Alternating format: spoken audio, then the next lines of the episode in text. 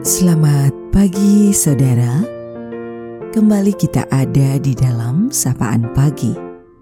Mendengarkan Tuhan menyapa kita di dalam firman-Nya.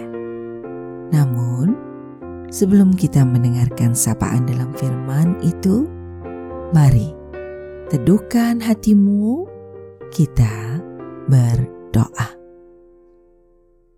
Ya Tuhan, Engkaulah sumber kehidupan kami.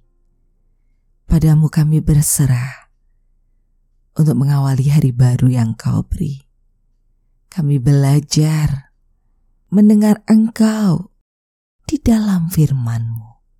Kami yakin firman itu menjadi dilah yang menerangi dalam langkah hidup. Kami berserah hanya di dalam Engkau, Tuhan Yesus. Amin. Sapaan dalam firman-Nya pada saat ini kita terima melalui kitab Yesaya pada pasal yang ke-44 di ayat 2 sampai 4. Beginilah firman Tuhan yang menjadikan engkau yang membentuk engkau sejak dari kandungan dan yang menolong engkau. Janganlah takut, hai hambaku Yakub, dan hai Yes Syurun, yang telah kupilih. Sebab aku akan mencurahkan air ke atas tanah yang haus, dan hujan lebat ke atas tempat yang kering. Aku akan mencurahkan rohku ke atas keturunanmu dan berkatku ke atas anak cucumu. Mereka akan tumbuh seperti rumput di tengah-tengah air, seperti pohon-pohon gandarusa di tepi sungai. Kita akan refleksikan dalam tema Roh Kudus dicurahkan pada umatnya. Saudaraku, firman Tuhan ini adalah nubuat yang disampaikan Tuhan melalui Nabi Yesaya. Sesungguhnya Tuhan sangat mengasihi umat Israel. Meskipun mereka sering sekali meninggalkan Tuhan. Lalu mereka menyembah berhala, dan ilah-ilah dunia yang menyesatkan. Ya, apa pun yang terjadi, Tuhan tetap mengingat mereka yang diciptakan dan dipilihnya. Tuhan menjanjikan untuk tetap mencurahkan air dalam kehidupan mereka, untuk tetap mencurahkan hujan guna memelihara dan memberkati umatnya, agar dari tanah kering akan tumbuh rumput yang subur, supaya ternak berkembang biak dan tanaman menghasilkan buah-buahan, biji-bijian, serta pohon-pohon kayu, membuat umat hidup makmur dan sejahtera. Selain itu juga, Tuhan berjanji akan mencurahkan rohnya, roh kudus, agar mampu membimbing umatnya, membimbing bangsa Israel, dan kita semua yang percaya pada Tuhan Yesus. Untuk hidup kudus seturut kehendak Tuhan, supaya berkat Tuhan tercurah dan tidak terhalang oleh dosa-dosa umat manusia.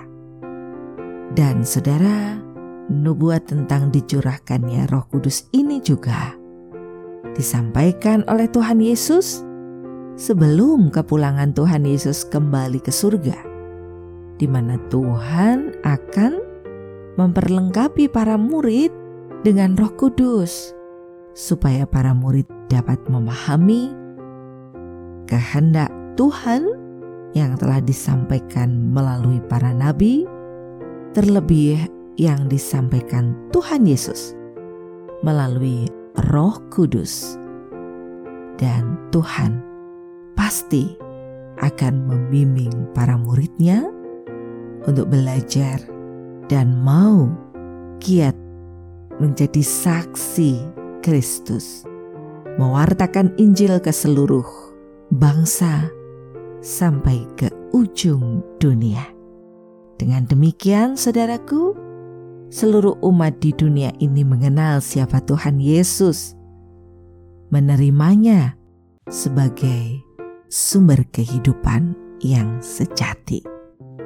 Dengan demikian, saudaraku, lewat karya Roh Kudus, semua bangsa dapat menikmati berkat-berkat dan damai sejahtera dari Tuhan.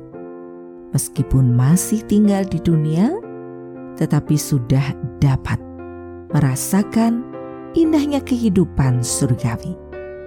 Karena Tuhan yang menyertai, menyertai semua umat yang mengasihi Dia. Saudaraku yang terkasih di dalam Tuhan Yesus Kristus, maka kita para murid yang sudah menerima pengurapan roh Tuhan diharapkan sungguh belajar mewujudkan panggilan hidupnya sesuai kehendak Tuhan. Dan nampaknya itu menjadi kemestian untuk merespon dengan hidup syukur, taat dalam pimpinan roh kudus, supaya dapat memahami kehendak Tuhan dalam hidup dan mau hidup benar di hadapan Tuhan. Setia mengikut Tuhan sampai akhir hidup kita. Saudaraku, jalani hidup dengan rasa syukur, jalani hidup dengan berserah sepenuhnya pada segala karya cinta Tuhan. Ia merengkuhmu dan ia ada di dalam sepanjang waktu hidup. Saudaraku, kita akan akhiri sapaan pada pagi hari ini. Mari kita berdoa. Terima kasih ya Tuhan. FirmanMu menjadi pelita dalam hidup. FirmanMu memampukan kami belajar untuk mendengar, merasakan, dan mau memahami dalam hidup. Kami yakin firman itu terus membawa pembaharuan dan pencerahan bagi kami, agar dalam kehidupan yang kami jalani seturut dengan kehendakmu. Amin. Saudaraku, demikianlah sapaan pada pagi hari ini. Terus dengarkan Tuhan menyapa kita di dalam firman-Nya. Saudara bersama saya Esti Widya Stuti, Pendeta Jemaat Gereja Kristen Jawa Pakem. Saya ada di lereng Gunung Merapi. Tuhan memberkati.